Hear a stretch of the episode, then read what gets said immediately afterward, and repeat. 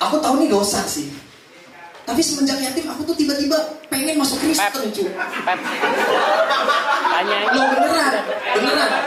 Anak yatim Kristen sama anak yatim Muslim bebannya lebih berat. Eh bebannya tuh lebih ringan anak yatim Kristen. Tahu nggak kenapa? Soalnya anak yatim Kristen meskipun bapaknya meninggal, dia masih punya bapak yang di atas. Lebih ringan bebannya kita yang berat bro. Bapak siapa yang ku ini? Udah lama yatim ya? Kenapa nggak masuk Kristen?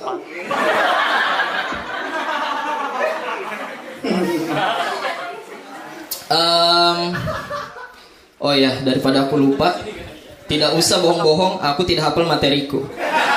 Langsung saja.